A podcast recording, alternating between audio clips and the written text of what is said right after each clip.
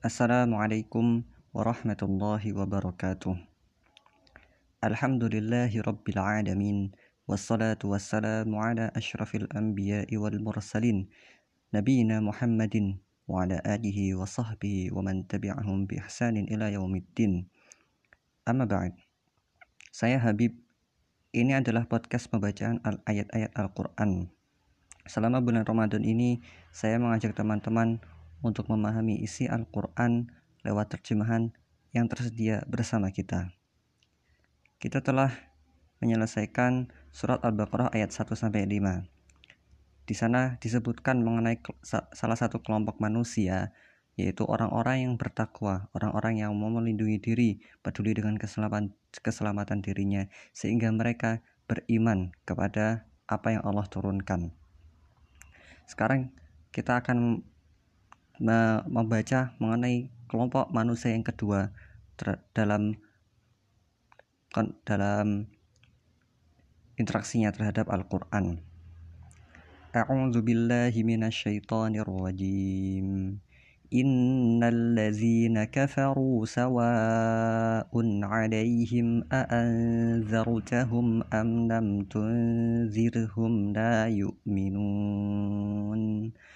ختم الله على قلوبهم وعلى سمعهم وعلى أبصارهم غشاوة ولهم عذاب عظيم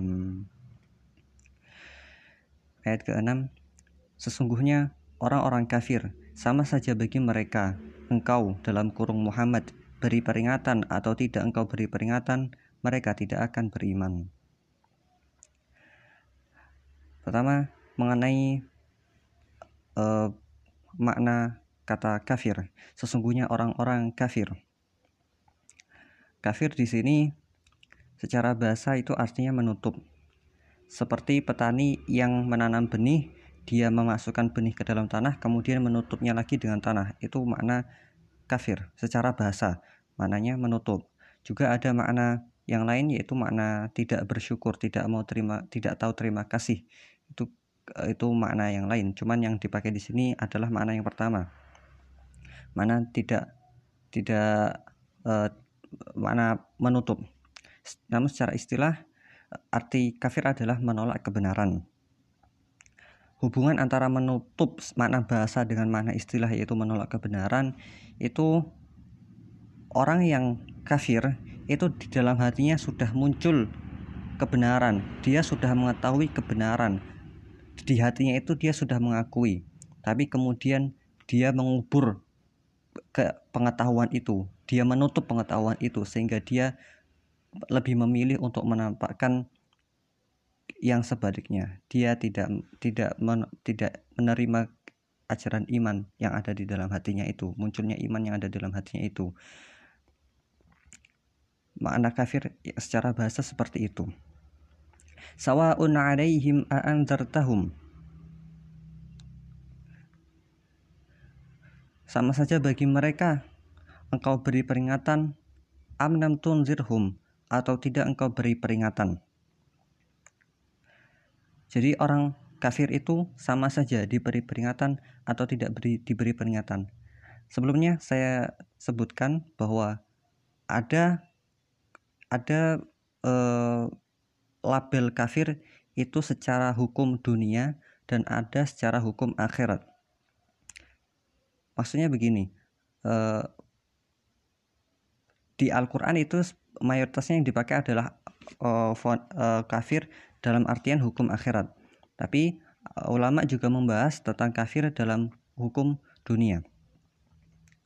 Hukum dunia itu maksudnya orang kafir itu artinya orang yang selain Islam.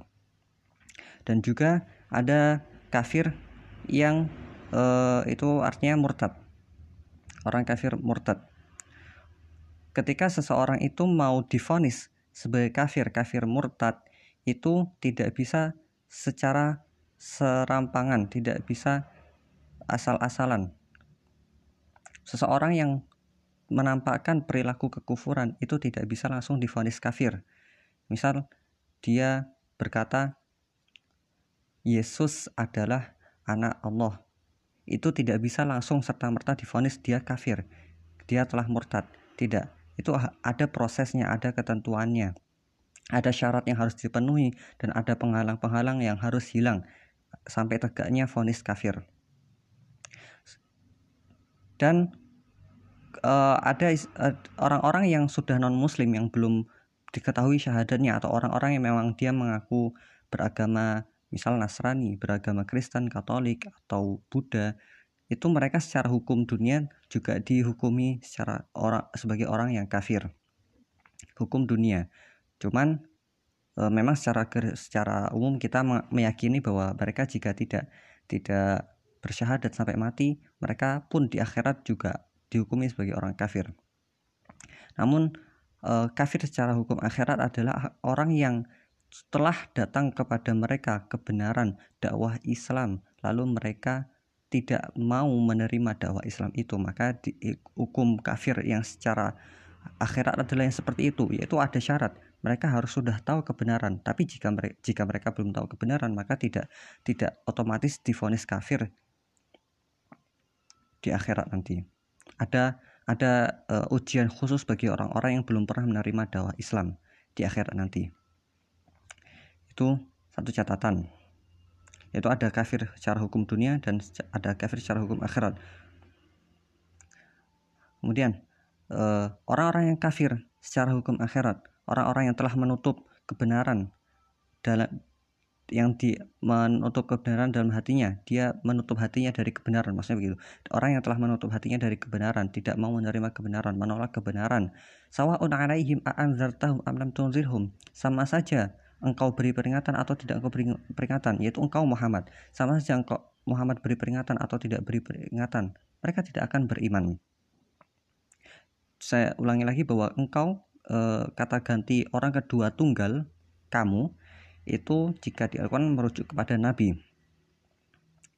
Kemudian di sini ada kata peringatan anzaro memberi peringatan.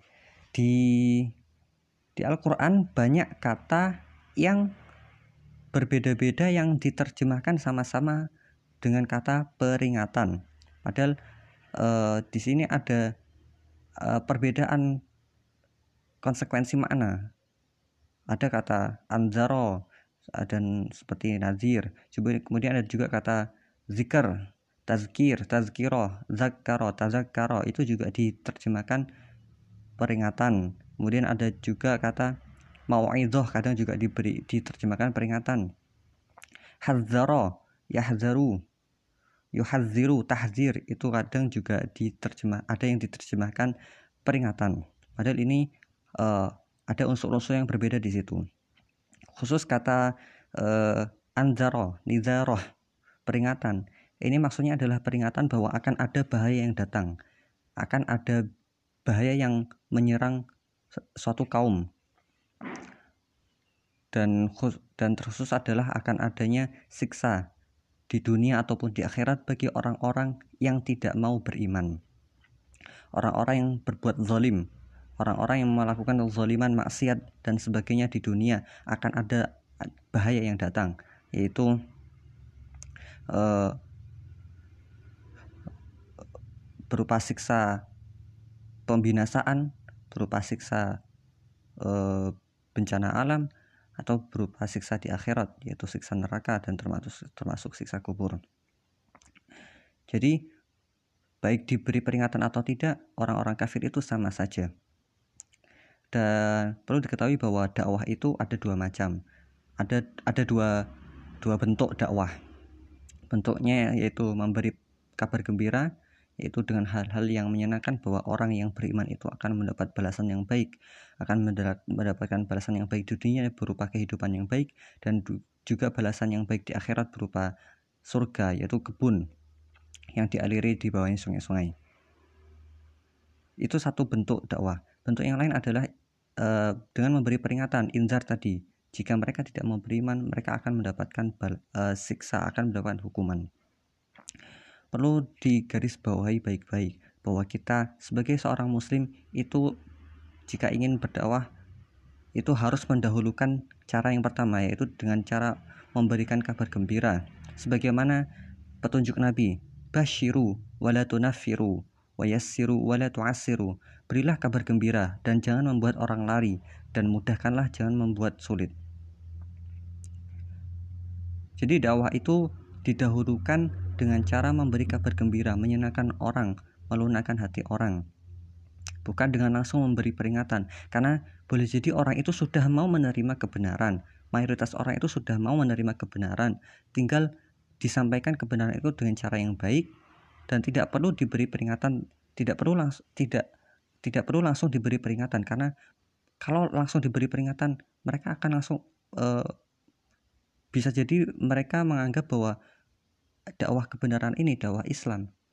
Itu itu kalau langsung yang mereka terima adalah tentang peringatan mereka akan ber, beranggapan bahwa Islam itu semuanya adalah agama yang ancaman agama yang isinya siksa semua hukuman semua. Tidak ada hal yang menyenangkan di dalam Islam tidak ada kasih sayang dalam Islam. Maka ini tentu saja cara dakwah yang keliru.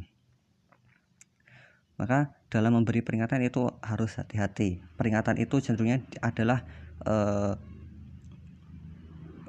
alternatif yang terakhir, solusi yang terakhir kalau sudah tidak ada solusi yang lain dalam dakwah. Kemudian uh, saya tambahkan hal yang halus yang hampir tidak ketara dalam ayat ini dan ini menunjukkan uh, perbedaan antara kita dengan Nabi Muhammad umumnya ya saya tidak bilang semua dari kita umumnya umumnya kita karena saya, saya sendiri kadang merasa begitu.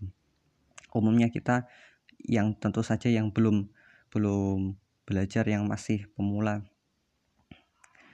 perbedaan kita dengan Nabi Muhammad. Itu kita itu mudah sekali memfonis orang. Kamu itu sudah sudah sulit sekali diomongin wis waduh kamu itu sama saja. Dikasih tahu atau nggak dikasih tahu pasti sama aja pasti ngeyel. Sementara Nabi itu tidak begitu. Kesimpulan ini diambil dari mana? Yaitu dari kata inna huruf inna di depan yang diterjemahkan sesungguhnya. Inna itu adalah disebutnya dalam bahasa Arab alat taukid yaitu alat untuk menegaskan. Alat yang seperti ini itu digunakan untuk um, itu harusnya seharusnya digunakan untuk orang yang digunakan untuk berbicara kepada orang yang ragu atau membantah atau tidak percaya. Tidak percaya tentang hal yang akan disebutkan, ragu terhadap hal yang akan disebutkan sehingga digunakan alat-alat penegas. Apa yang diragukan oleh Nabi? Sebenarnya bukan ragu, tapi lebih tepatnya Nabi berharap yang sebaliknya. Nabi itu adalah orang-orang yang berharap uh, memberikan kebaikan kepada semua orang. Nabi adalah orang yang paling berambisi, orang yang sangat berambisi untuk uh, berambisi agar orang lain bisa mendapat kebaikan, yaitu yang paling besar adalah kebaikan hidayah, kebaikan iman, iman dan Islam. Nabi sangat berambisi agar orang itu mau menerima hidayah hidayah Islam sehingga meskipun Nabi itu melihat adanya permusuhan yang yang beliau terima dari orang, adanya penolakan, adanya penghinaan, adanya kebencian yang dilontarkan oleh orang-orang yang beliau dakwahi, Nabi tetap berharap adanya kebaikan yang uh, di yang muncul dari orang itu. Boleh jadi nanti di masa depan orang itu akan berubah pikiran menerima dakwah Islam. Nabi adalah orang yang begitu, tapi Allah ingin menegaskan kepada Nabi sesungguhnya orang-orang kafir itu sama saja engkau beri peringatan atau diberi, tidak beri peringatan. Maksudnya ada orang-orang yang sampai seperti itu. Allah harus menegaskan itu kepada Nabi. Ada orang yang bagaimanapun diberitahu bagaimanapun ber, sebanyak apa pun mereka tidak tetap tidak mau beriman. Eh, kemudian ya uh, di sini uh, ada kata yang perlu di menjadi catatan yaitu yang diterjemahkan orang-orang kafir. Kata dalam bahasa Arabnya adalah al-lazina atau bentuk tunggalnya al-lazi. Ini disebutnya isim isyarah dalam bahasa Arab. bukan, isim mausul. Uh, yang diterjemahkan orang-orang yang dalam bahasa Arabnya ada dua bentuk, ada dua variasi yang diterjemahkan menjadi orang yang yaitu allazi dan bentuk jamaknya alazina dan bentuk kedua adalah man. Ada alazina ada man. Man itu seperti di ayat 8 yang akan datang waminan nasi may yaqulu. Dan di antara manusia ada orang yang. Jadi ada dua macam kata orang yang yaitu allazi dan man. Dua kata ini berbeda. Allazi itu adalah kata yang khusus. Maksudnya jika orang yang disebutkan adalah orang yang khusus orang yang sudah diketahui. Sementara man itu orang yang belum diketahui masih orang umum. Orang yang sudah diketahui disebutnya adalah ma'rifat dan disebutnya nakiroh atau mubham. Ma'rifat. Sehingga orang-orang kafir yang disebutkan di ayat 6 ini adalah orang-orang yang sudah diketahui. Terkhusus orang yang disebut orang yang sudah diketahui itu yang dimaksud adalah orang-orang Quraisy khusus orang-orang Quraisy sesungguhnya orang-orang Quraisy yang telah kafir maka e, sebenarnya ayat ini e, lebih lebih merujuk kepada orang-orang Quraisy. Tanpa sebenarnya tanpa membatasi. Tapi karena dia menggunakan is, uh, is, isim mausul yang ma'rifat maka lebih lebih kuat ayat ini terjemahkan merujuk kepada orang-orang Quraisy. Khusus ayat ini ya maksudnya ayat ini. Begitu selanjutnya ayat yang ketujuh Khatamallahu ala qulubihim wa ala sam'ihim. Allah telah mengunci hati dan pendengaran mereka. Uh, kalau diterjemahkan dengan mengunci hati, khatamallah Allah telah mengunci hati ini rasanya terjemahannya kurang tepat karena kalau mengunci itu uh, ada kata sendiri yaitu aghlaqa. Khotama itu artinya menutup. Sesuatu yang sudah selesai, yang sudah penuh lalu ditutup. Khatamallahu ala qulubihim wa ala sam'ihim. Kenapa Allah menutup hati mereka dan pendengaran mereka? Itu karena mereka itu sudah uh, sudah sudah memutuskan, sudah punya tekad bulat bahwa mereka tidak akan beriman sehingga Allah sekalian karena mereka inginnya begitu maka Allah sekalian menutup hati mereka tidak tidak akan ada kebenaran yang bisa masuk ke dalam hati mereka dan juga ke dalam ke melalui pendengaran mereka Disebutkan hati karena letaknya takwa dan iman adalah di hati. Kemudian disebutkan pendengaran karena ayat-ayat yang di ayat-ayat itu dibacakan, didengar oleh telinga, oleh pendengaran. Maka Allah menutup hati dan pendengaran mereka sehingga mereka tidak beriman dan tidak mau mendengar, tidak bisa memahami ayat ayat yang didengar. Wa ala absarihim dan penglihatan mereka telah tertutup. Ini uh, terjemahan yang cukup jauh keliru. Pertama, di sini tidak ada kata kerja. Sementara di terjemahan penglihatan mereka telah tertutup. Ini kan kata kerja. Di dalam uh, terjemahannya dalam ayatnya tidak ada kata kerja di situ. Di situ menggunakan kata benda ala absarihim ghisyawah. Yang lebih tepat gini, di atas penglihatan mereka ada penutup. Ya, begitu. Lebih tepatnya ada penutup. Ghisyawah artinya ada penutup. Uh, kemudian dari terjemahan tadi dipahami bahwa ini terjadi di dunia. Penglihatan mereka telah tertutup. Namun yang tepat wallahu alam uh, saya yang saya pahami di sini adalah uh, makna yang ada di akhirat. Maksudnya di akhirat penglihatan mereka akan tertutup. Akan ada penutup di di penglihatan mereka. Sebagaimana ini disebutkan di surat Toha di, di hampir yang paling akhir surat Toha Allah berfirman, وَمَنْ أَعْرَضُ عَنْ ذِكْرِي فَإِنَّ لَهُ مَعِيشَةً ma'isyatan وَنَحْشُرُهُ يَوْمَ الْقِيَامَةِ أَعْمَى قَالَ رَبِّ لِمَ حَشَرْتَنِي أَعْمَى وَقَدْ كُنْتُ بَصِيرًا. Dan barang siapa yang berpaling dari peringatanku, maka dia akan mendapatkan kehidupan yang sempit, yang sesak, yang susah. وَنَحْشُرُهُ يَوْمَ الْقِيَامَةِ أَعْمَى dan kami bangkitkan dia pada hari kiamat dalam keadaan buta. Kola, dia berkata, Wahai Robku, kenapa engkau membagi, meng, menghidupkanku kembali dalam keadaan buta, padahal aku dulu bisa melihat. Lalu Allah lanjutkan, Qala kadzalika ayat Qala kadzalika atatka ayatuna fanasitaha. Seperti itulah ayatku datang kepadamu, kemudian engkau melupakannya. Itu. Maka yang lebih tepat walau alam bisa jadi juga di dunia secara terjem, uh, penafsiran secara maknawi penglihatan yang tertutup secara maknawi bukan uh, hakiki ya benar-benar tertutup tapi maksudnya penglihatan tidak bisa melihat kebenaran. Tapi alam yang lebih lebih e, nampak di sini adalah mana di akhirat. Ghisyawah penutup. Walahum adzabun azim dan mereka juga mendapatkan siksa yang berat. Siksa yang berat hukuman mereka akan mendapatkan hukuman yang berat di akhirat hukuman yang besar. Demikian untuk podcast kali ini. Podcast yang akan datang kita akan melanjutkan membahas tentang kelompok manusia yang ketiga yaitu mereka yang berada di tengah orang yang beriman padahal mereka kafir. Semoga yang sedikit ini bermanfaat dan menjadi amal soleh untuk kita. Wassalamualaikum warahmatullahi Muhammad wa ala alihi wa sahbihi wa baraka wasallam. Assalamualaikum warahmatullahi wabarakatuh.